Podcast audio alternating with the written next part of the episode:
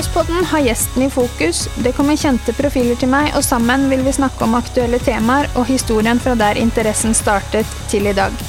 Noe av det jeg er genuint interessert i, er å høre hvordan folk jobber for å komme dit de er. Kanskje det er noe flere kan lære av. Hva som kreves for å bli best, hvordan de trener, om kosthold og matinntak er noe de har kunnskap om, hvem som har vært der for dem på veien, hvordan fungerer det å være en del av et stort team i innland eller utland, om de høye toppene eller hvordan snu nederlagene. Kort sagt så håper jeg på å komme litt under huden deres i løpet av tiden vi snakker sammen. Selv er jeg bare en MX-mamma, den som skrur på syklene våre og nybegynner på banen. Sammen med gjestene så håper jeg dere vil høre historien deres både interessant og lærerik. Velkommen til Motocrosspodden.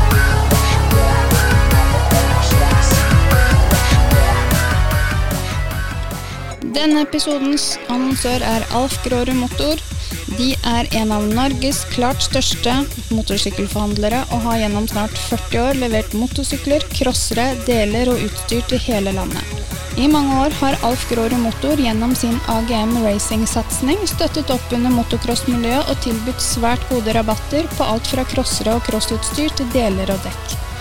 Alf Grårud Motor og agmshop.no er en 100% norsk butikk med varer på lager i Norge for raske leveranser. Her møter du alltid kompetente ansatte og topp kundeservice.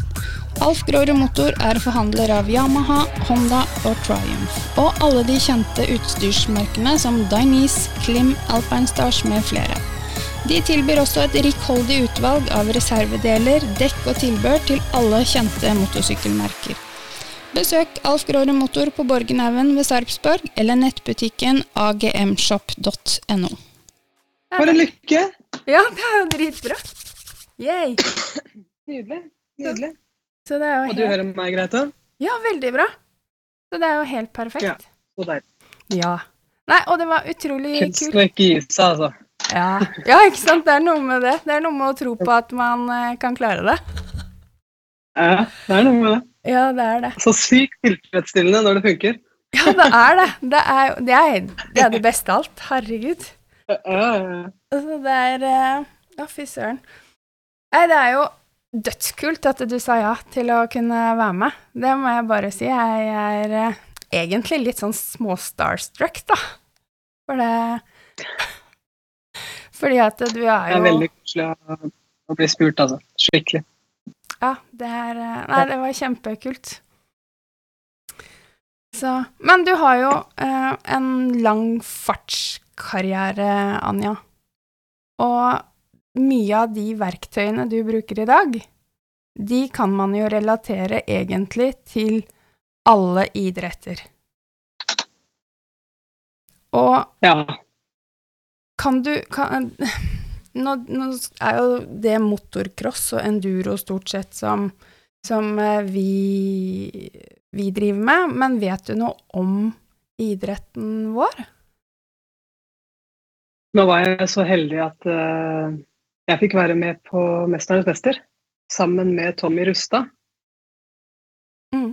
Så, så det, er- det er sånn den kunnskapen jeg har i forhold til de mentale teknikkene som, eh, som kreves innen det er bilsport, da, motocross. Det der å klare å holde fokus over lengre tid og klare å komme inn i en tilstand som er nødvendig, det fascinerer meg veldig med deres idrett. Og fokus er jo det som, eh, som jeg virkelig, virkelig, virkelig brenner for. Så, men jeg, jeg har aldri prøvd det sjøl, og det, det er på en sånn liten sjekkliste for meg, for det ser ut som et skikkelig kick, skal jeg være helt ærlig. Mm, det er det. Du kan få lov å være med. Jeg kan invitere deg. du tok det hintet. Ja, men det er gull. Det er veldig gull. Men uh, det, er, eh, det ser ut som det er en sånn mental prøvelse, for du må gi slipp på Selvfølgelig må du beholde kontroll, men du må også gi slipp på den forsiktigheten, kanskje, som vi liksom tørre å gå inn på grensa av det du egentlig tør, Mm, og, og navigere litt der. mm. Det, ja, det er spennende. Ja, nei, det er eh, fordi at du har jo mange år som, som toppidrettsutøver. eh, Du har spilt mange år i håndball, eh, både på internasjonalt nivå og nasjonalt nivå. Sanka masse, masse erfaringer og masse medaljer. Men mye av de teknikkene dere bruker, tenker jeg, de kan man bruke på enten det er roing eller skigåing eller motocross. Det som kanskje er litt spesielt med, med motocross i forhold til mange idretter, er at i motocross og enduro så må du kunne klare å holde fokus, som du sier, og du må kunne klare å ha maks Du må kjøre på maks puls i en halvtime. Og det er ikke så mange idretter som mm. du klarer det, da. Så for å trene opp den, så regner jeg med at du har en del teknikker som du bruker da, for å kunne klare å holde fokus. Ja, og det skal sies at jeg ikke trente i å ha makspuls i en halvtime. Det er overhodet ikke. Eh, så all ære til dere der, men det, det er veldig godt trent i, det er fokus. Mm. Og, og, det er eh, både noe jeg har eh, erfart er lurt sjøl på håndballbanen. Men så, så, kjente jeg også i det øyeblikket jeg la opp, at jeg stopper jo ikke å bruke de teknikkene. For det, det er jo en del av livet. Og fokus har vi med oss hele tida om vi sitter i en bil, eller om vi sitter og prater med noen, eller om vi kjører motocross, eller hva nå vi gjør, så er vi Vi mennesker er jo hele tida navigerende mellom to minst to parallelle verdener. Den fysiske her kroppen er, og det mentale der fokuset vårt ofte er plassert hvis det har vandra fra den fysiske. Mm.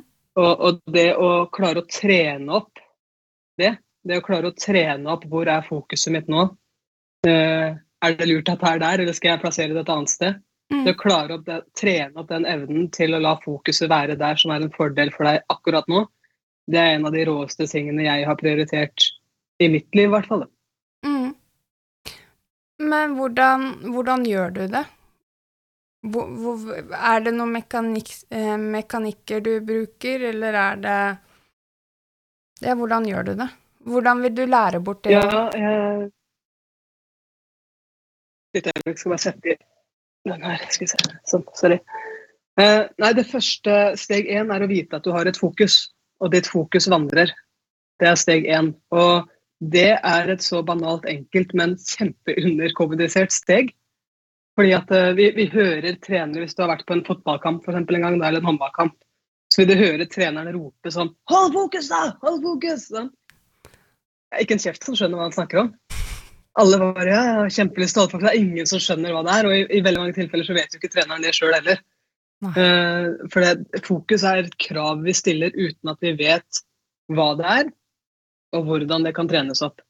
Men sannheten er det at fokus, det er eh, det er et konsept som foregår både i den fysiske verden, at du klarer å være akkurat her, akkurat nå. Jeg klarer å være på instinkt, jeg klarer å være i ett med det som skjer og være helt oppslukt av det øyeblikket her. Alle vi har vært der sånn før. Mm.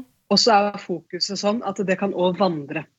Og da kan det vandre fra nå-øyeblikket, fra her jeg er akkurat nå, og opp i den mentale verden. Og i den mentale verden så beveger det seg litt sånn fram og tilbake som en vindusvisker. Litt mellom fortid og fremtid. Mm. Sånn vi, av og til så kan vi tenke på ting som har skjedd før, og så kan vi gå inn i det med noe som gjør oss bedre, eller så kan det være noe som direkte gjør oss dårligere fordi vi drar oss sjøl ned.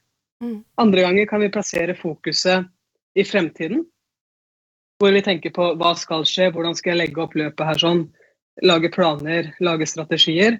Eller bare fri fantasi, da. Dagdrømming. Mm. Utfordringa er at de fleste vet ikke at de har en fokusvandring. De fleste blir bare med på den uten Ubevisst. å være klar over at det er det som skjer. Ubevisst. Så triks nummer én det er jo å vite at du har et fokus. Du er ikke fokuset ditt. Du er den som kan registrere hvor det er, og så kan du plassere det. Mm. Hvis du tar en bevisst plassering i i forrige løp så gjorde jeg noe som jeg har lyst til å gjøre enda bedre i neste løp. Bam! Plassere fokuset mitt bevisst tilbake i tid. Enten ved å se på video eller visualisere hva var det som faktisk skjedde. Hvilke strategier har jeg lyst til å bruke nå for å gjøre det her enda råere neste gang? Det kan være noe i forberedelsene mine, det kan noe, være noe jeg gjør i forhold til å hente fokuset mitt enda raskere tilbake nå i øyeblikket. Det kan være et eller annet som kan gjøre den lille forskjellen. Og så har du gjort det, og så bam, er du tilbake her sammen med meg i vår samtale. Mm. Eh, og Noen ganger så, så, trenger du ikke være så disiplinert heller. Noen ganger så kan du bare akseptere at fokuset skal få lov å vandre litt, for det er jo litt kreativt. Vi trenger det òg. Men det å vite at du har et fokus, det fokuset er noe som du kan trene opp. Mm. Du kan velge å registrere hvor det er, og så kan du hente det til det stedet du trenger det akkurat nå. Mm. Eller du kan velge å, å plassere det. Nå trenger jeg at fokuset mitt er der. Bam! Da plasserer jeg det der. Så gjør jeg det jeg skal, og så plasserer jeg det her etterpå. Eh, For meg å trene opp det her sånn på banen, det blei hele forskjellen på å lykkes og mislykkes. Mm. Og for meg å trene opp det her i parforholdet mitt sammen med Gro, det er hele forskjellen på å være skjønn og ikke skjønn. Skal jeg være helt ærlig. For Ja. da, uh, hvis du opplever at jeg er oppriktig til stede, det er ikke noe annet sted jeg heller ville vært enn her nå med deg, Mm. så er det noe som vil styrke oss som par. Mm. Så, så det her det gjelder ikke bare i idretten, det gjelder hele livet.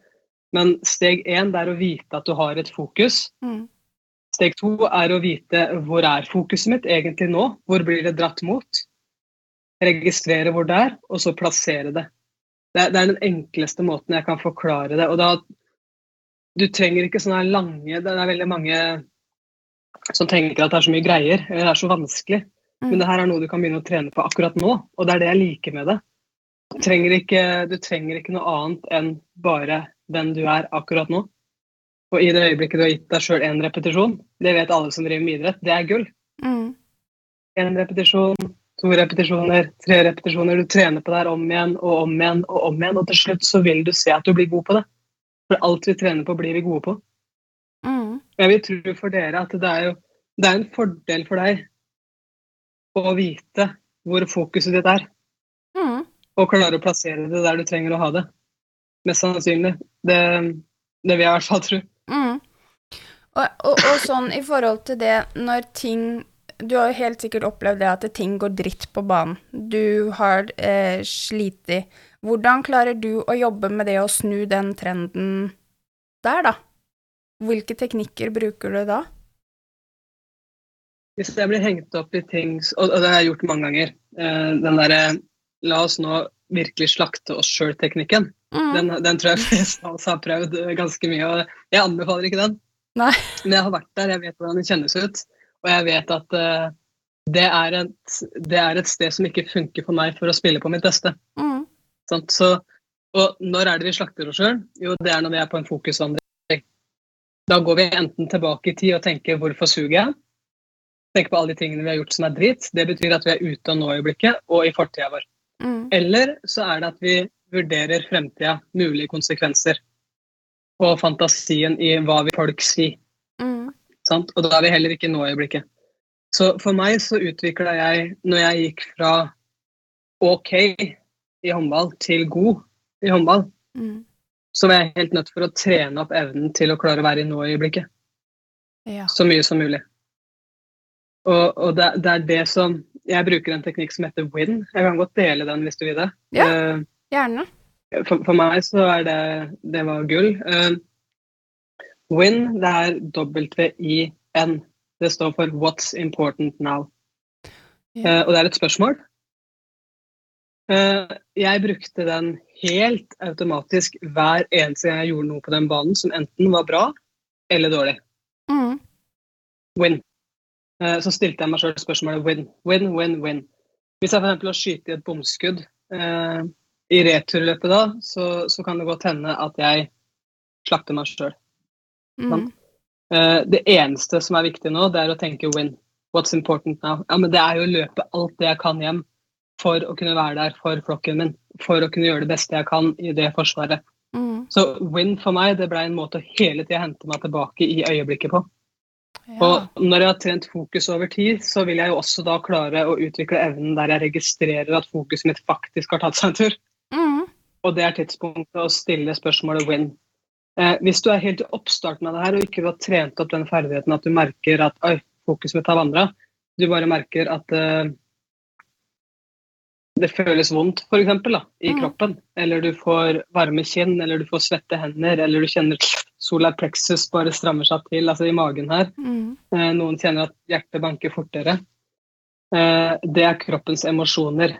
Det er også tidspunktet hvor du kan stille deg sjøl spørsmålet win. Så der, der får du en kroppslig påminner fra kroppen din. da. Ja, fint, det her som skjer, jeg kjenner på det inni kroppen min, When? Mm. For meg så er det returløpet. Eh, maks returløp. Det er det eneste som faktisk er viktig nå. Mm. Det er returløpet. Det er det eneste som er viktig. Eh, jeg vet ikke hva det kan være for deg eller for de andre som lytter på, men win-teknikken for meg det gjorde en helt vanvittig forskjell. Mm. Og for, og for meg så var det viktig å, å bruke ordet win, selv om mange syns det er kleint, for det er et engelsk ord. og, og norsk språk, engelsk ord, kan du ikke være så snill å snakke norsk. Men det, for meg så er det en seier. Hver eneste jeg tenker win, så er det faktisk en seier. Det norske ordet ville vært hevn. Det er viktig nå. Mm. Jeg syns ikke det er like sånn catchy, da. Så, så for meg så ble det bare win. Det, det ble en påminner om å komme inn i nå-øyeblikket. Og i de fleste tilfeller for meg på banen, så er det der jeg trenger å være. Ja. Det er i nå-øyeblikket. Mm. Ja, og det blir jo litt sånn for oss også, for da er det eh, Hvis vi kjører en dårlig sving så, og tenker at eh, hva, er eh, hva er viktig nå, eller what's important now, det er jo å glemme den, se frem til neste sving, eller neste hopp, eller neste, neste start. Gjøre all, og, og det blir jo litt sånn for oss også som det blir for deg. Det blir jo å se på nå-øyeblikket, hva kan jeg gjøre nå for at eh, For å glemme det, da, på en måte. Eller, ja. Ja, du får komme inn i øyeblikket. Mm, Hva er det som faktisk er viktig akkurat nå? mm, Hva er min win nå? Si du har gjort en dårlig sving, ja, win. Hva kan det være akkurat nå? mm. Ja, det Hva er min akkurat nå? ja, det er å, å på en måte se fremover, og for vår del, da, så Det er jo alltid kanskje et hopp eller Øyeblikket. Ja, øyeblikket. Se frem. Og for, for det også er en sånn kul greie i forhold til ordet øyeblikket. Fordi der vi faktisk fester blikket Hvis, hvis du sitter i bilen og jeg vet ikke, Si du har gjort en, det du kaller for en dårlig sving. da. Mm, Eh, hvis du da fester blikket på noe foran deg, mm, og slapper av i tunga di, og særlig bakerst i tunga, så skal det veldig mye til for deg å være ute av nå-øyeblikket. For der blikket ditt er, i din fysiske verden, der er også fokuset ditt. ja. Så av og til så er det så enkelt. Bare plasser fokuset ditt rett bak øynene dine. Slapp av i tunga, for da slipper du å ha den indre dialogen. Mm, Eh, Det er en liten fun fact som jeg syns er gøy å gjøre noen ganger. Hvis det blir for mye prat inni her, sånn, så er det bare å slappe av i tunga. Um, og så og så bare plasser fokuset rett bak øynene dine. Hva er det du ser på? Hva kan du se på akkurat nå som mm, holder deg her i nå-øyeblikket? Det kan være sikkert noe som skjer foran deg på bilen. Um, eller noe, på veien, unnskyld. mm. Der du kjører. Ja. Eh, du har jo eh, Etter karrieren din så er jo eh, Fearless Heart Det er det du jobber med nå, og det er jo det vi snakker om. Det er jo Men det å være i øyeblikket, det å Kan du forklare litt hva Fearless Heart er, og hva dere gjør? Ja. eh, for meg så er det viktig å leve fra hjertet. og være tro mot det som er min passion. Og faktisk gå all in i det jeg tror kan gjøre verden bedre da, for meg og for de jeg er glad i, og for andre. Og, og det er grunnen til at jeg starta Fearless Heart, for jeg sitter med noen noen måter å leve livet på, og kanskje også noen måter å, å jobbe med fokuset på, som jeg syns er for viktige til å ikke gi videre. Mm. Eh, fordi at jeg har kjent på transformasjonen sjøl. Og det er det vi gjør i Fearless Art, det er at vi, vi gir dette her videre ved å hjelpe mennesker med å trene på det, rett og slett. Mm. Mm. Eh, Du eh, har jo hatt en del, etter det jeg har skjønt, så har du hatt en del foredrag og samlinger og sånn for både eh, tren eller idrettsklubber, men også store organisasjoner. Så, så det er jo noe Ja, ja. mm. Du Jeg holder reiser masse, holder masse foredrag. Ja, det gjør jeg. Og, og det er en stor del av det. Det liker jeg veldig godt. Reise rundt for å møte folk og gi noen verktøy som de faktisk kan bruke type nå. mm. Unnskyld. For det er, eh, det er egentlig ganske enkelt. Men eh, det å få være i det rommet og se det aha-øyeblikket til mennesker Mm.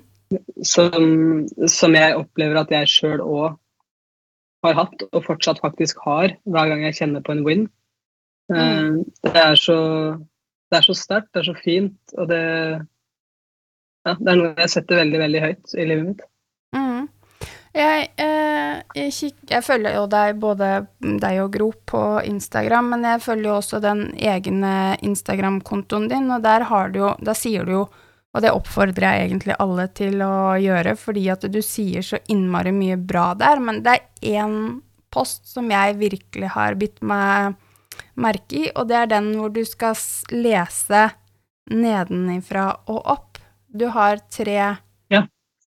Eh, kan du forklare litt om den? For den er egentlig eh, Den har du jo gjort med en baktanke. Ja, ja. Altså, det er, eh, det er ikke korona, eh, men eh, jeg har hatt litt influensa. Det er derfor det høres så brutalt mye verre ut enn det der. Men den posten du refererer til, det er for å virkelig få opp betydninga av hvor mye det vi forteller oss sjøl har å si for hvordan vi har det, og, og, hva jeg tror på. Mine overbevisninger kommer til å påvirke selvfølgelig mine resultater, men også hvordan jeg har det inni meg på ekte. Mm. Fordi at hvis jeg går rundt Hvis jeg er den posten som du har lest nå, da Jeg vet hvordan dette fungerer. Mm. Det er treneren min sin skyld at jeg ikke lykkes. Så ikke kom og fortell meg at jeg kan ta ansvar for min egen karriere og utvikling, bare jeg trener hardt og dedikert. Jeg vet hvordan det fungerer. Se for deg en person som har den overbevisningen. Ja, det... det er treneren sin skyld at jeg ikke lykkes. Ja, men det tror jeg det er mange som har, egentlig litt sånn som ikke, Som kommer fra det stedet hvor man ikke egentlig har det så innmari bra, da. Mm. Bare les, kjenn på hvordan det føles når jeg snur på det, da. Jeg vet hvordan dette fungerer. Jeg kan ta ansvar for min egen karriere og utvikling, bare jeg trener dedikert. Så ikke kom og fortell meg at det er treneren min sin skyld at jeg ikke lykkes. Jeg vet hvordan det fungerer. Eh, bare den overbevisninga der, det å endre på den historien der, det kan, det kan endre egentlig alt for deg. For der, i det øyeblikket der så vil du da endre hvordan innstillinga di er til trening. Mm. Du vil ut av offermentaliteten og inn i nysgjerrigheten. Og i nysgjerrigheten, det er der magien skapes. Mm. I det øyeblikket du sjøl er nysgjerrig på hvordan kan jeg ta det her et steg videre. Hvordan kan jeg skape noe som kanskje ikke fantes før. Vi har, fra håndballen så har vi et veldig kult eksempel med tre spillere, faktisk. Eh, Heidi Løke. Kjenner du til dem? Mm. Kjenner du håndball? Ja, ja, jeg har spilt mm. håndball i mange Heidi år. Siden. Ja, sant. Så du har Heidi Løke, du har Nora Mørk, du har Stine Bredal Oftedal. Alle tre fikk beskjed i ung alder om at de var for unge til å Nei, for unge, for lave til å bli gode internasjonale spillere. Av trenere. Mm. Da er det veldig lett å tenke at men treneren tror ikke på meg, det er treneren sin skyld. og Det treneren sier, det er sikkert sant. Mm. Det er mange som hadde gjort det, det er sikkert mange som har gjort det òg. Mm. Men alle de tre har blitt kåra til verdens beste håndballspiller. Mm. Så, så, det er sånn kunsten å registrere ok, men hvor blir fokuset mitt dratt mot. Blir det dratt mot en overbevisning som begrenser meg? Eller blir det dratt mot en historie og overbevisning som styrker meg og mine sjanser for å være den beste jeg kan være akkurat nå. Og, og når du vet hvilke overbevisninger du faktisk bærer på, da kan du gjøre noe med det. Jeg hadde en overbevisning som holdt meg tilbake en gang, som jeg måtte endre på. Uh, og det var da jeg kom til Larvik håndballklubb. For jeg var en spiller som uh, Jeg var vant til å være god nasjonalt, altså i Norge. Mm. Men jeg hadde ikke vært vant til å være god internasjonalt. Men i Larvik håndballklubb så hadde de jo ambisjoner om å være verdens beste klubb. Sant? Men når jeg kom dit, så lurte flere faktisk på hva gjør de med Anja. Hvorfor har de valgt Anja? Hvorfor er hun der? Mm. Eh, sponsorene lurte på det. Det er de som spytter inn penger i klubben. Har lyst til å ha gode internasjonale spillere, og så henter de inn meg. Og så får jeg da et intervju i lokalavisa hvor spørsmålet er er du mer enn bare dama til Gro. Og overskriften ble faktisk et bilde av meg under eh, Nei, det ble et bilde av meg under overskriften 'Mer enn bare dama til Gro?' spørsmålstegn. Og der og da så lurte jeg på Har Larvik håndballklubb valgt meg for å sikre seg Gro? Gro var en av verdens aller beste håndballspillere. Mm. Er jeg her fordi at de ville ha Gro? For de vet at vi to vi var kjærester? Og hvis de får signert Gro, så er de villige til å gjøre hva som helst. Jeg kan kjøre den storyen i huet mitt. Mm. Og inni meg så gjorde jeg det litt opp, fordi det var, så, det var flere mennesker som hinta om det. Mm. Uten at de sa det rett ut, så var det, det var spørsmål som gjorde at jeg skjønner at det er en grunn til at du stiller spørsmålet. Mm. Og, og til, til slutt da, så, så kjente jo jeg at uh, hvis jeg skal være fri her, på innsida, hvis jeg skal få ut det beste av den jeg kan være her, så trenger jeg å endre den overbevisninga. Jeg trenger å gjøre den jobben med meg sjøl, med min personlige utvikling. Spørsmålet er du mer en dama til Gro? Det begynner jo å lage, altså Med en gang vi stiller oss sjøl spørsmål, så begynner vi å lage en historie. En Mm. forklaring. Hjernen vår har lyst på en historie. Så det jeg måtte gjøre, det var å face sannheten. Hva hvis det er sant, da? Mm. Hva, la, oss, la oss bare leke med tanken. La, la oss si at jeg er her nå fordi jeg er dama til Gro. Mm. La oss si at det er helt sant. Hvilken sjuk mulighet er det ikke jeg får da, takket være at jeg er dama til Gro? Mm. Spørsmålet er ikke om jeg er her, spørsmålet er hva har jeg tenkt å gjøre med den muligheten jeg har fått? Mm. Det er det som er det relevante spørsmålet. Og jeg måtte også gå vekk fra spørsmålet, fordi spørsmål skaper historier. Historier skaper hvilken action vi tar, hvilket resultat vi får. Mm. Så jeg måtte slutte, jeg måtte slutte å tenke en historie basert på spørsmålet er jeg god nok? Og den tror jeg veldig mange tenker. Er jeg god nok? Hva er Mm. det som skal til? Hva vil folk si? Det er helt irrelevante spørsmål, for det skaper historier, og det er veldig lett for hjernen å bare si La meg tenke nei. Sant? Det er det ikke. Ja. Da, hjernen vår er jo sånn laga at den Mm. er ikke kritisk til de spørsmålene vi stiller oss sjøl. Den bare blir med på kjøret. Mm. Så vi skal være dønn bevisst på hvilke spørsmål vi stiller oss sjøl. Mitt spørsmål det ble nå, for å virkelig ta steget opp, det var ikke lenger er jeg god nok. Er jeg her fordi jeg er dama til Gro? Mitt nye spørsmål er hvordan kan jeg bidra? Mm. Mm. Og hvorfor kommer jeg til å bidra her? Eh, når jeg begynner å finne svar på det, så begynner jeg å skjønne at laget trenger meg, og jeg trenger laget. Det her handler ikke om at jeg skal sammenligne meg med de andre rundt meg og finne ut av er jeg god nok eller ikke. Det her handler om jeg er her, hvordan kan jeg bidra? Mm. Hvordan kan jeg hjelpe de andre til å ta enda nye steg? Hvordan kan jeg hjelpe de andre til å spille sine livs beste kamper? Gjøre sine livs beste treninger? Fordi jeg gir dem energi, fordi jeg gir dem gode pasninger, fordi jeg hjelper dem med hva nå det kunne være i forhold til å videreutvikle håndballen. Mm. Eh, Fordi at jeg sjøl er i en personlig utvikling som gjør at jeg, jeg beveger meg fri fra det som kanskje holder meg tilbake, og viser at ja, jeg vet hva som blir sagt. Jeg vet at jeg òg bærer på noen begrensninger, og det har jeg tenkt å jobbe med. Mm. Jeg har tenkt å ta den jobben med meg sjøl. Det er ikke gjort på et kvarter, Nei. men det var gjort ganske kjapt, egentlig, for meg. Jeg gikk inn i, i Larvik håndballklubb i august, eh, og folk lurte på hva jeg gjorde der. Og i desember så fikk jeg spille et mesterskap for Norge. Mm. Det er bare noen måneder senere. Og i det mesterskapet så ble jeg kåra til EMs mest verdifulle spiller i tillegg.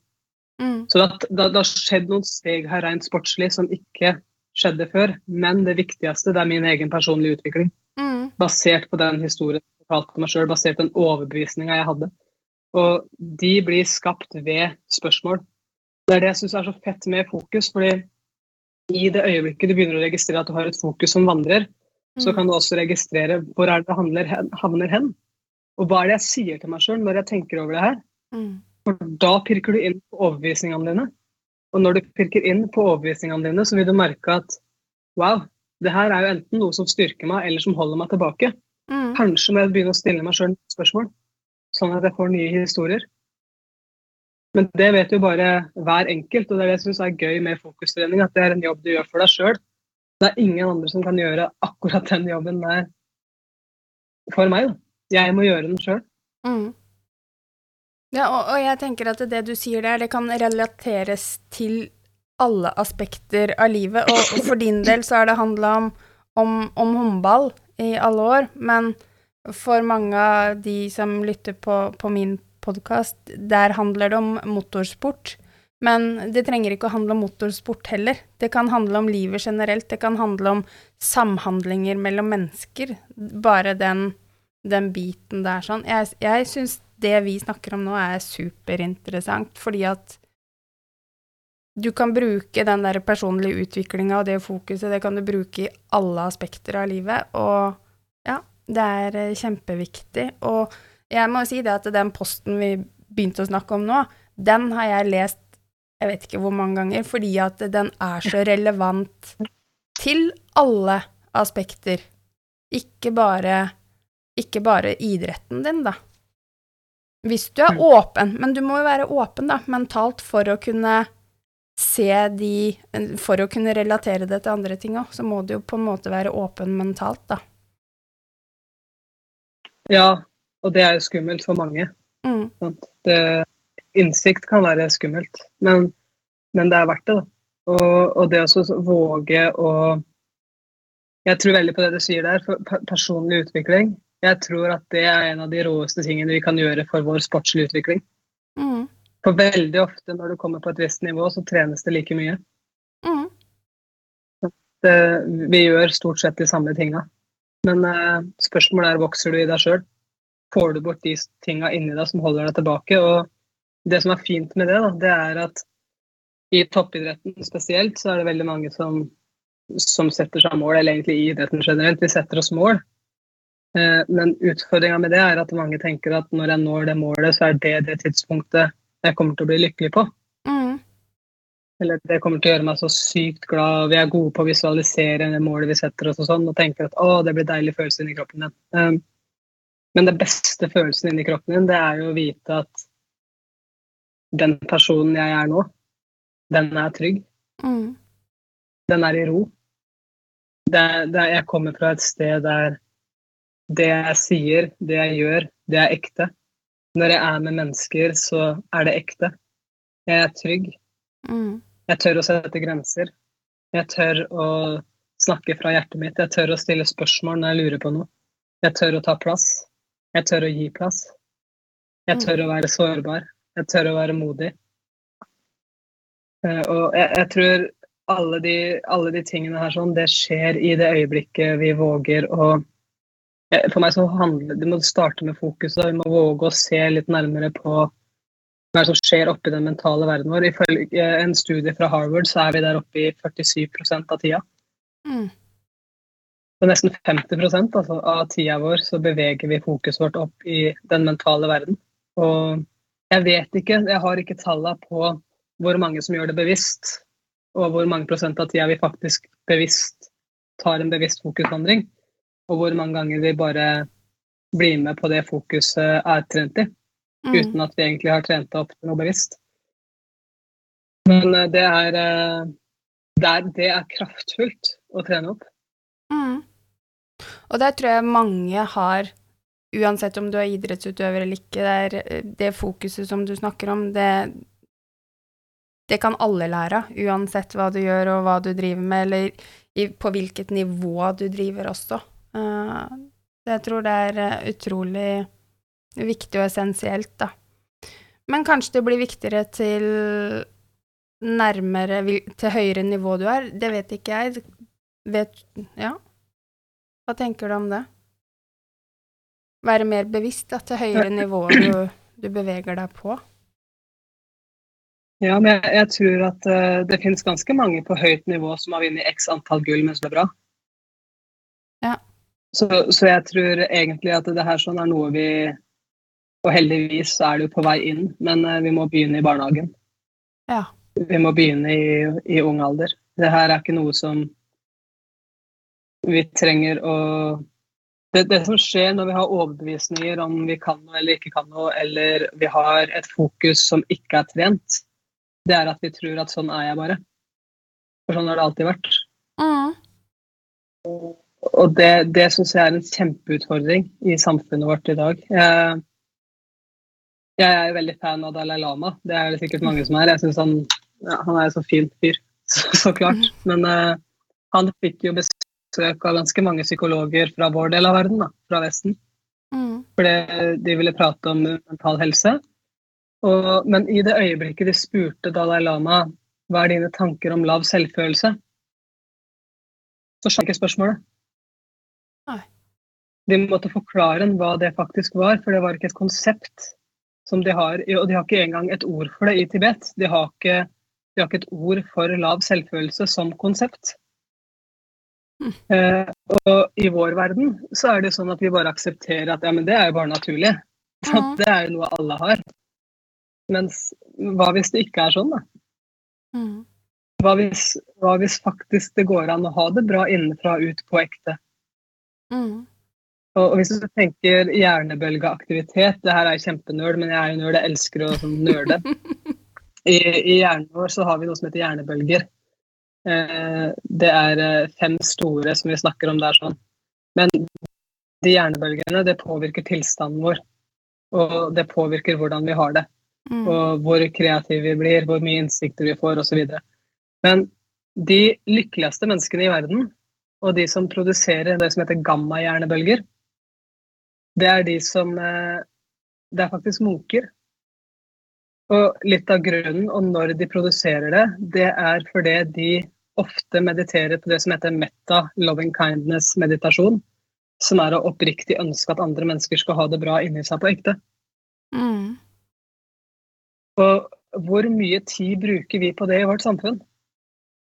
Hvor, hvor mye tid bruker vi på det versus på å tenke over passer jeg inn? Ja. Hva syns folk om meg? Mm. Hva hvis vi snur det? Hva, hva hvis fokuset ikke er passer inn? Hva hvis fokuset er hvordan du ønsker at andre skal ha det? Mm. Ja, jeg Ikke for å være selvutslettende. Nei, men, men der eh, tenker jeg fordi at eh, jeg, jeg føler at det ofte kan bli litt Hvis man ønsker andre vel hele tida, så kan eh, og, ja, For jeg er litt sånn at jeg føler at det kan bli litt misforstått også. Fordi at det er ikke så veldig mange andre som er sånn. Hvis du skjønner hva jeg mener? Mm. For jeg vet jeg, Hvis jeg ser noen jobber infernalsk for at de skal oppnå et mål, de, eh, de skal De gjør det bra i jobben sin, de tjener masse penger, eller de blir lykkelige, de har endelig fått den kontrakten de har jobba mye for, alt dette her sånn, så, så ønsker Så unner jeg de det. Jeg, jeg syns de fortjener den eh, det gode, da, som skjer dem. Det syns jeg de fortjener av hele mitt hjerte. Fordi at jeg vet at bak det der så ligger det veldig mye jobb, det ligger mange utfordringer, det ligger mange tanker, det ligger mye eh, Ja, mange timer, da. Men i, straks du ønsker alle andre vel, så føler jeg sjøl da at jeg kanskje blir litt misforstått noen ganger, fordi at ehm, Det her ble egentlig ganske personlig. uh, men men um, ja, jeg føler at det mange ganger kan bli litt sånn misforstått, da. Hvis man hele tida ønsker at andre skal gjøre det bra, andre skal få den kreden de ønsker, da, så føler jeg at det, man kan bli litt misforstått noen ganger. Ja, hvordan da? Nei, litt sånn at uh, det blir at det noe Ikke at det blir falskt, da, men at det blir Du kan ikke hele tida ønske andre vel, du må ønske noe for deg sjøl òg, på en måte, da. Og man gjør jo det, og jeg jobber jo for meg sjøl, og, og det jeg jobber for, jeg, mye av det oppnår man jo, men det er jo ikke alt man, oppnår, man drømmer om som man oppnår. Eh, så det er litt sånn Mm. derre Ja, jeg um, Det her blei egentlig veldig personlig, men, men det blir litt sånn derre Ja, at det, kanskje ikke alle tror på det hele tida, da. At jeg får heller at um, Mm. mm, Og det, det, tror det syns jeg også er veldig spennende, fordi loving kindness starter med deg sjøl. mm, Det handler om du må Og det, det også er jo et fenomen som er veldig det, det, også er spennende, for det, det vi gjør, det er at vi tenker med en gang at jeg skal bare ønske alle andre vel, og ikke meg selv. mm, Eh, Så, så hvor mye fokus har vi på det, og hvordan kjenner vi det på ekte inni oss? da? Jeg har et eksempel fra når vi skulle inn vi skulle inn på Olivia i Oslo sammen med alle de andre deltakerne på 'Mesternes mester'. Eh, Første gang vi skulle møtes, jeg hadde aldri møtt dem før, og kjente egentlig bare Linka. mm, Og så lurte jeg litt på hvordan, hvordan gjør man det rent sosialt når man skal i voksen alder flytte i et kollektiv med ni andre som ikke vi kjenner, og vi skal bo sammen i en måned. mm, Og, og det er masse kamerateam der, det er masse mennesker som ja, Pluss at vi er slitne, det er krevende konkurranser. Det er mye, det er mye som skjer. da. Mm. Hvordan, hvordan får vi det oppriktig bra? Og da, da kjørte jeg en sånn type øvelse for å sikre bare min egen tilstand. Og jeg husker når vi satte oss ned på Olivia der sånn, så skanna jeg rommet, så alle ansiktene som jeg skulle bo med, alle menneskene som satt der. Og så stilte jeg meg sjøl to spørsmål. Og det ene, det var hvorfor kommer jeg til å bli glad i deg? Mm. Og hvorfor kommer vi til å ha det gøy sammen? Mm. Og når jeg stiller meg sjøl de spørsmåla, så er jo hjernen sånn designa at den vil jo gjerne ha svar. Mm. Så da begynner den å leite etter det. Og det er ikke noe spørsmål jeg stiller høyt til deltakerne, Mm. Men det var det jeg leita etter hver gang de prata. Mm. Hvorfor kommer jeg til å bli glad i deg? Hvorfor kommer vi til å ha det gøy sammen? Når jeg hele tida leiter etter de to spørsmåla, så finner jeg jo svaret på de. Og, og det syns jeg er så innmari, innmari fint. fordi når jeg da satt meg i bilen etterpå med Linka, for hun kjørte hjem, så bare spurte jeg henne om vi kunne være stille sammen i fem minutter. For jeg skulle bare skrive ned noe på mobilen min. Og da satt jeg og skrev ned, så på, på den mobilen her sånn, så har jeg jo navnet på alle i 'Mesternes mester' og svaret på hvorfor jeg kommer til å bli glad i dem, og hvorfor vi kommer til å ha det gøy sammen. Som jeg Mm. skrev da i bilturen på vei hjem. Og når jeg kom inn i det huset, så hadde jeg så oppriktig hjerte for de andre deltakerne. Mm. Jeg følte at jeg var så trygg sammen med dem. Jeg, jeg måtte ikke prestere noe eller bevise noe. Jeg kunne bare gå inn og være der sammen med de og ha det fint Mm. inni meg. da. Uten å vurdere om passer jeg inn her, er jeg god nok, er det rart at jeg mediterer fire ganger om dagen, er det rart å ikke spise kjøtt. Altså, det er Mm. veldig mye som det er mulig å kjøre huet på. Mm. Men, eh, men den, eh, altså, sånne type teknikker hjelper meg veldig. da, I hele tida å leite etter hvorfor kommer vi to til å ha det bra sammen? Mm. Hvorfor kommer vi til å fungere sammen? Da får du ofte svaret. Mm. Ja, du sier noe, noe viktig der, sånn som på en måte er eh, Ja. Fikk du meg til å tenke òg? Så nå, Det var kanskje hyggelig. Kanskje. Jo, absolutt. Ja, nei, for jeg syns sånn i forhold til eh, mentaltrening, det å, og Alt med sånn mental coaching, alt det her er superspennende. Eh, og jeg har jo lagt merke til at eh, de som er i toppen, eller generelt sett da, innen motocross, så blir eh, det å bli bevisst den, det mentale da kanskje litt lite brukt, eller ikk- det er ikke noe fokus på det, da. Så det jeg Mm. ønsker egentlig med, med å bringe deg inn i den podkasten her, er jo å prøve å få andre bevisst på det, og bli åpne til å eh, Kanskje gå inn i en litt sånn derre undersøkelsesmodus for å se om det faktisk er noe som er positivt for dem, da. Det er liksom det som var grunnlaget mitt for å bringe, bringe deg inn. Og så har du sjøl en, en kjempespennende eh, bakgrunn og, og vet jo hva det vil si. Ja, takk for det. det. Det var store ord. Det setter jeg veldig, veldig pris på. Det er fint, og jeg, jeg brenner så for det. Det her er jo Det er så viktig for meg. Eh, For jeg, jeg, jeg tror virkelig at de fra motocross-miljøet som hører på nå, jeg ønsker jo at de skal kunne gjennomføre drømmene sine. Skal Mm. kunne nå det som de drømmer om å gjøre. Og jeg er helt overbevist om at det, det kan ligge der for de, Men mest av alt så er det at jeg ønsker at du skal ha det bra når, når du står på toppen av den pallen. Mm. Så, så vit at uh, du, er, du er det mennesket du er stolt av å være. Du, du står ikke der sånn for å bevise noe for andre eller for å imponere noen, men står der fordi at det har vært en reise som det øyeblikket der symboliserer for deg. Mm. Ja, ikke sant. Og det Jeg tror nok det å ha det du snakker om fokus, og det å bli bevisst fokuset, det kan kanskje også være en forskjell på det å stå på en treplass eller en førsteplass, da. Har du det fokuset, og er bevisst på det, det fokuset, så kan du faktisk stå på toppen. Du står ikke på tredjeplass, du Mm. kan stå på, på toppen. Mm. Så, så jeg tror? Ja, nei, så jeg tror nok det. Men, men har du noen steder andre kan lære mer om fokus? Det du snakker om? Har du, har du sjøl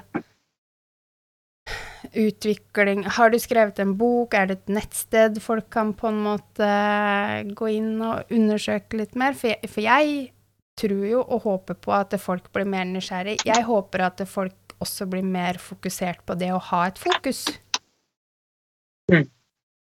Eh, det, nå har jeg laga en Instagram-konto, som du har nevnt. Eh, den er det mulig å følge. Fordi nå om en liten måned, se på datoen, så, så kommer jeg til å lansere en plattform med de verktøyene her. Mm. Og det kommer jeg til å prate om på den uh, Instagram-sida der uh, når det skjer. For det er, jeg er veldig interessert i å gi det her videre. Og det jeg har prøvd fram til nå, det er å holde en del livesendinger, direkte treninger på det her. Mm. Hvor det er mulig å følge meg når vi trener på det. Og de har jeg lyst til å gi videre nå. Så det blir lagt inn i en app som blir lansert nå i februar. Mm. Og det er, eh, det er, nok, det er nok der jeg tror det er mulig å få mye utbytte av det. For Mm. da, da lærer du deg ikke bare om det, da får du praksisen òg. Mm. Og det tror jeg veldig på å gjøre det i praksis. Ja, og så få repetisjon. Én ting er å se på en, en video en gang, høre et foredrag en gang, eller lese en bok en gang, men du må på en måte du må Det er som du sier, da. Repetere. Repetisjoner Mm. hele tida, så blir det mer og mer eh, implementert i, i den du er, da. Du ubevisst, tenker jeg, kanskje blir mer bevisst på at det er noe som skjer i deg, da. Ja, helt, helt klart. Og det er det som er gøy. Alle har sin reise med det. Mm. Og, og alle vil oppleve den derre at, at de får noen innsikter som de ikke hadde før. Mm. Men, og, og det er egentlig veldig mye fint i det. Mm. Og jeg tror nok alle reiser er jo unike, fordi at alle vi er unike. Hva som er viktig for deg, trenger jo ikke være viktig for meg. Og det er det som er spennende. Det er det, det er det jeg liker veldig godt med å holde de sessionsa. For da har vi, vi har en chat tilgjengelig hvor alle kan skrive inn hvordan, var, hvordan opplevde du det, hvordan syns du det her var for deg, hva dukka opp hos deg i dag. Fordi du er ulik fra meg, men du er også ulik fra den du var i går. Mm. Ja. Og da er det jo mulig å virkelig ha det litt gøy med det her. Da. At, ja, men i dag så, så opplevde jeg det her. I går var det helt annerledes, men i dag og da, Det får en sånn liten påminner på hvor, hvor levende vi er som mennesker. Mm. Og hvor mye som faktisk skjer som vi kanskje ikke egentlig tenker over. da. Nei, og, og det å bli Ja, jeg er helt enig med deg. Og det å være i en sånn kontinuerlig utvikling synes, Jeg syns jo det er kjempespennende sjøl. Eh, og det er jo Ja, jeg, jeg syns virkelig det er eh, superspennende, og jeg håper jo at det er fordi at man kan bruke det på, på alle aspekter av livet sitt, uansett hva det gjelder, enten det er håndball eller langrenn eller motocross, eller om det gjelder jobben din eller vennskap, familie. Det, det, jeg jeg syns det er superspennende, og jeg, og jeg tror nok kanskje mange syns det er litt skummelt å sette spørs, set, stille seg sjøl spørsmålet, da, for de er usikre på hva svaret vil bli, da. Ja. Men det er, vi har jo sånn de når, når du jobber med hjertet ditt, så vil du være vennlig med deg sjøl. Da, da vil du eh, Hvis du er vant til å være en person som dømmer deg sjøl, eller kjenner at jeg er veldig hard med meg sjøl, Mm. så vil du merke at du veldig fort får noen strategier for å for å endre på det. da.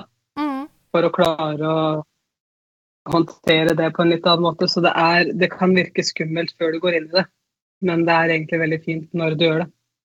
Mm. Mm. Men så er det det er også det er tøff trening. sånn, Det er mye vi skal face. Det er mye for, for meg å faktisk face det at ja, men jeg har faktisk hatt en overbevisning her om at jeg er her fordi at jeg er dama til Gro. Det holdt meg tilbake. Det gjorde at jeg tok på meg et skall. Jeg begynte å le av meg sjøl. Jeg begynte med selvironi. Mm. Jeg begynte med ting som ikke var akseptabelt i den klubben jeg var i. Og det reflekterer jo meg som menneske. Mm. Og det å face det, det å tørre å se at det her er det jeg faktisk gjør. Hvis jeg skal ta noen steg her, så trenger jeg å endre på det. Mm. Og så finne ro med det, og finne den takknemligheten til at shit, så bra at jeg faktisk fant ut av det Mm. før det gikk for langt. Mm. Og det å heller feire det, da. Det å kjenne på den takknemligheten over at jeg, jeg fikk den innsikten, og det er den innsikten. Av og til så er det jo også den smerten til og med Mm. som gjør oss sterkere. Vi Ja. lærer enormt mye gjennom smerte. Ja, helt klart, og det er jo Sånn er det jo Jeg tenker jo litt at personlig utvikling ligger også litt på utsida av komfortsona. For det er der Ja. den, den personlige utviklinga, den sportslige utviklinga ligger. Det er utafor Mm. komfortsona. Det er det, altså. Og det mm, Det er sånn vi på en måte blir bedre. Eh, på, alle, alle, på alle områder, da. Men i, i store kamper eller mesterskap og sånne ting, så tenker jeg det at eh, du også kjente, uansett hvor god du var, så tenker jeg du kjente også litt på nervøsiteten. Åssen Eh, på en måte løste du den biten der? Oi, det er mange ulike teknikker, egentlig. Eh, av og til så kommer jo nervøsiteten noen dager i forkant, kan du ha merka det, i form av en stemme som begynner å prate til deg oppi huet ditt Mm, og sier eh, 'har du det som skal til', hva hvis du driter deg ut, hvordan kommer dette til å gå? mm, Eller bare 'fy fader, så gøy at endelig er kamp snart, gleder meg'. Og så, den kan jo si veldig mye ut fra hvordan du har trent den opp, selvfølgelig. Men Mm. eh, den stemmen begynner jo ofte, hvis du, hvis du tar det som skjer før kamp, da, så begynner jo den stemmen ofte å hviske litt i starten. mm, Før et løp, før et race. Begynner kanskje å hviske fem-seks dager i forkant. Hva er det det som skal til? mm, Og det veldig mange gjør da, fordi det blir ubehagelig, da blir du kjent med de emosjonene, mest sannsynlig i tillegg, der du kjenner at hjertet banker fortere, mm, blir svett i hendene. Det veldig mange gjør da, det er jo at de distraherer seg. De prøver Mm. å komme bort fra den stemmen, så de setter noen AirPods i øret, eller begynner å fikle med mobilen, eller mm, går og gjør et eller annet som holder de opptatt, da. mm, Prøver å rømme fra den. Eh, jeg er ikke fan av det. Eh, jeg syns det er en fluktvei. Jeg er fan av å lytte til den. Og, og være nysgjerrig på hva er det du egentlig ber meg om. mm, Hvis jeg skal spille en kamp si mot Gjør, da, som var et av de beste lagene vi spilte mot, og den stemmen begynner å prate til meg, så er det sånn ja, Hva er det egentlig? Hva er det den egentlig er der for? Den er jo der egentlig for å hjelpe meg. mm, når de sier er du egentlig godt nok forberedt, så må jeg jo være ærlig med meg sjøl. Ja, er jeg egentlig det? mm, Har jeg det som skal til? Jeg møter verdens beste keeper. Hvilke strategier har jeg for å putte ballen i mål mot hun? mm, Kan jeg forberede det enda bedre? Og når jeg, sånn, når jeg prøver å tette de hulla som kanskje stemmen er der for å minne meg på at det er det her som kan kødde det til for deg, da, ja, eh, da, da må jeg rett og slett bare gå inn og så må jeg gjøre den jobben. Og da til slutt da, så blir den stemmen muta, for da har den ikke noe mer å snakke om. nei. Mm, For da har jeg gjort det som skal til. mm, Da er, jeg, da er jeg såpass godt forberedt at jeg kan faktisk bare hvile i innsatsen. Men hvis jeg overser den og ikke gjør noe med den, så vil jo den stemme rope til meg på game day. mm, Jeg sa jo det her, jo!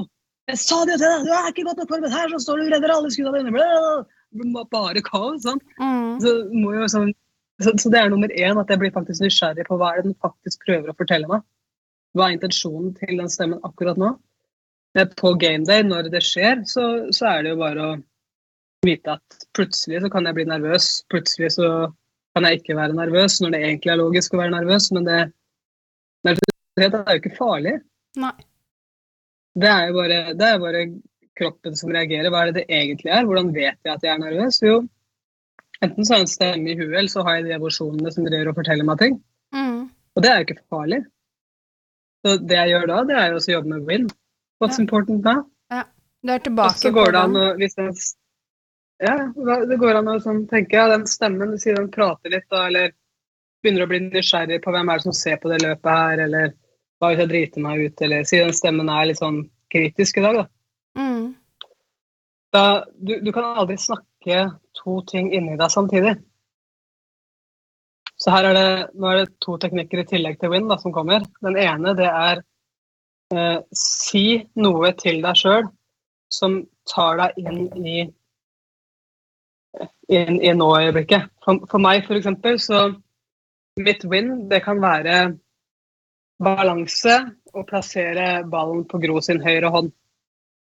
Så når jeg har stilt meg sjøl spørsmålet, så er det balanse og høyre hånd som gjelder. Og da, da sier jeg det til meg sjøl på repeat, for da kan ikke den stemmen begynne å kritisere meg samtidig. Nei. Balanse, høyre hånd. Balanse, høyre hånd. Balanse, høyre Mm. hånd. Det kan være noe helt annet for dere. eh, men mest sannsynlig ikke balanse høyre hånd. Men alle har noe, noen arbeidsoppgaver som de kan gjøre. Eller det kan være rytme. Mm. Én, to, tre. Én, to, tre. Én, to, tre. For da, da kan ikke stemmen prate til deg samtidig. Og så er det selvfølgelig pust. Mm. Måten vi puster på, regulerer jo hele systemet vårt. Mm. Så jo mer utpust du har Jeg vet ikke om du har jobba med isbading noen gang? Har du gjort det? Isbading? Nei. Ja. Ja, jeg har jo sett det, men jeg har ikke Nei, gjort det. Nei, Men hvis, du, hvis du puster ut, hvis du har fokus på utpusten din, og på å slappe av musklene i kroppen din, så vil du bli kvitt de spenningene som minner deg om at du er nervøs. Mm. Så hvis du sånn puster, sier du puster inn når du teller til to, eksempel, så puster du ut som om du puster gjennom et sugerør. Samtidig som du teller til fire Mm. så vil kroppens system roe seg ned. Og hvis du i tillegg da tenker over win, ser for deg noe du har gjort før som du har lykkes med, eller bare fysisk plassere fokuset ditt rett bak øynene dine, og ser på et punkt som er viktig for deg å se på akkurat nå, Mm. så kommer du til å være her.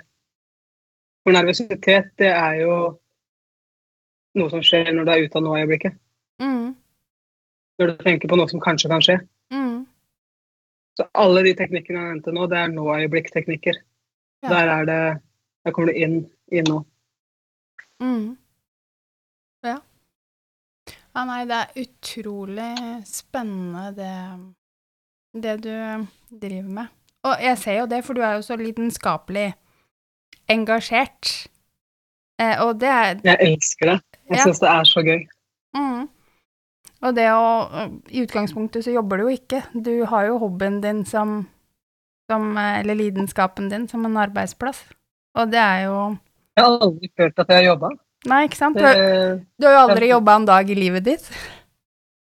det, ja, det var når jeg var lærer. Jeg tok fireårig utdanning som lærer. Og så begynte jeg som lærer. Og så bare kjente jeg at uh, det her er feil. Mm. Jeg kjente oppriktig at jeg ikke var tro mot det som var ekte inni meg. Og det, det var sånn heftig avgjørelse, for da, da hadde jeg jo studielån opp etter ørene. sånn, Og egentlig planlagt og dritkjipt og bare innse at du var bomma. Mm, ja, ikke sant? Men veldig, veldig nødvendig da, å få den innsikten. Så da, da er det jo bare å jobbe med takknemligheten min. Mm. Flaks at jeg fant ut det her nå, og ikke 30 år seinere. Ja, ikke sant? ja, ja, det er jo noe med det. Eh, du og Gro også reiser jo rundt med, med noen foredrag som jeg syns også er eh, ganske viktig både på det personlige plan, og også som Man kan relatere det til idrett også. Eh, men, men det å det, den, det personlige planet, det er eh, Ja, nei, dere reiser Dere gjør et uh, unikt arbeid, da i forhold til, til det, og de Jeg anbefaler jo alle å, å Jeg har vel ikke Jeg har ikke hørt på, på de sjøl, men eh, det står på to do-lista å å høre på dem. Ja, veldig fint sagt. Du er veldig god til å løfte. Det, det setter jeg veldig pris på. Du er god på, på å skryte andre. Det, det er hyggelig, altså. Det, Gro jeg er veldig opptatt av, av akkurat det du gjorde der. eh, Nettopp framsnakk. Det er det du gjorde for oss nå. Mm, Så, så takk for det. Det siste foredraget vi holdt sammen, det var rett og slett framsnakk. mm. Og det tror jeg nok, syns jeg kanskje folk er litt uh, lite Kunne vært bedre på, for å si det sånn, da. Ja da, det er rom for mer sjanser. Det, det, det er rom. Ja, absolutt. Absolutt.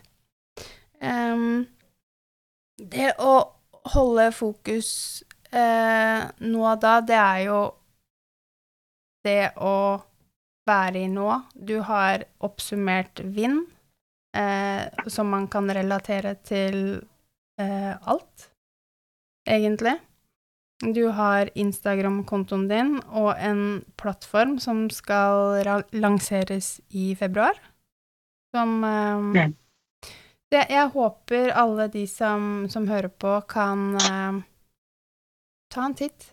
For det er eh, mye bra du sier, og, og jeg kommer sikkert til å lese den Instagram-posten som jeg dro fram litt eh, mange ganger til også, fordi at den, den relateres til alt. Det har noe med det å tro på seg sjøl, det å tro på det man gjør, og det man er som menneske, da. Ja, tusen takk for det. Altså. Jeg heier på dere. Jeg, jeg syns det er kult det dere gjør. Det, virkelig, altså. Det, det blir gøy å følge det fremover. Ja. Jeg kommer til å, å legge ut litt på Instagram eh, nå fremover, og så tagger jeg deg, og så kommer jeg sikkert til å til å legge ut noen av det jeg syns er viktig, da, på, på Instagram-kontoen min. Fordi at det er Ja, er supert. Det gleder jeg meg til å se. Mm. Men eh, jeg vil bare takke deg utrolig mye for at eh, du, du ville stille opp, fordi jeg har fått noen uh, lysglimt, og det er uh, Og så syns jeg det er utrolig spennende. Det, det syns jeg. Så tusen hjertelig takk, Anja. Ah, så hyggelig. Ja, tusen takk, og takk for en kjempefin prat. Det her var gøy, altså. Mm. Så god hei og fin eh, dag videre. I like måte. Takk skal du ha. Herlig. Ha det. Ha det.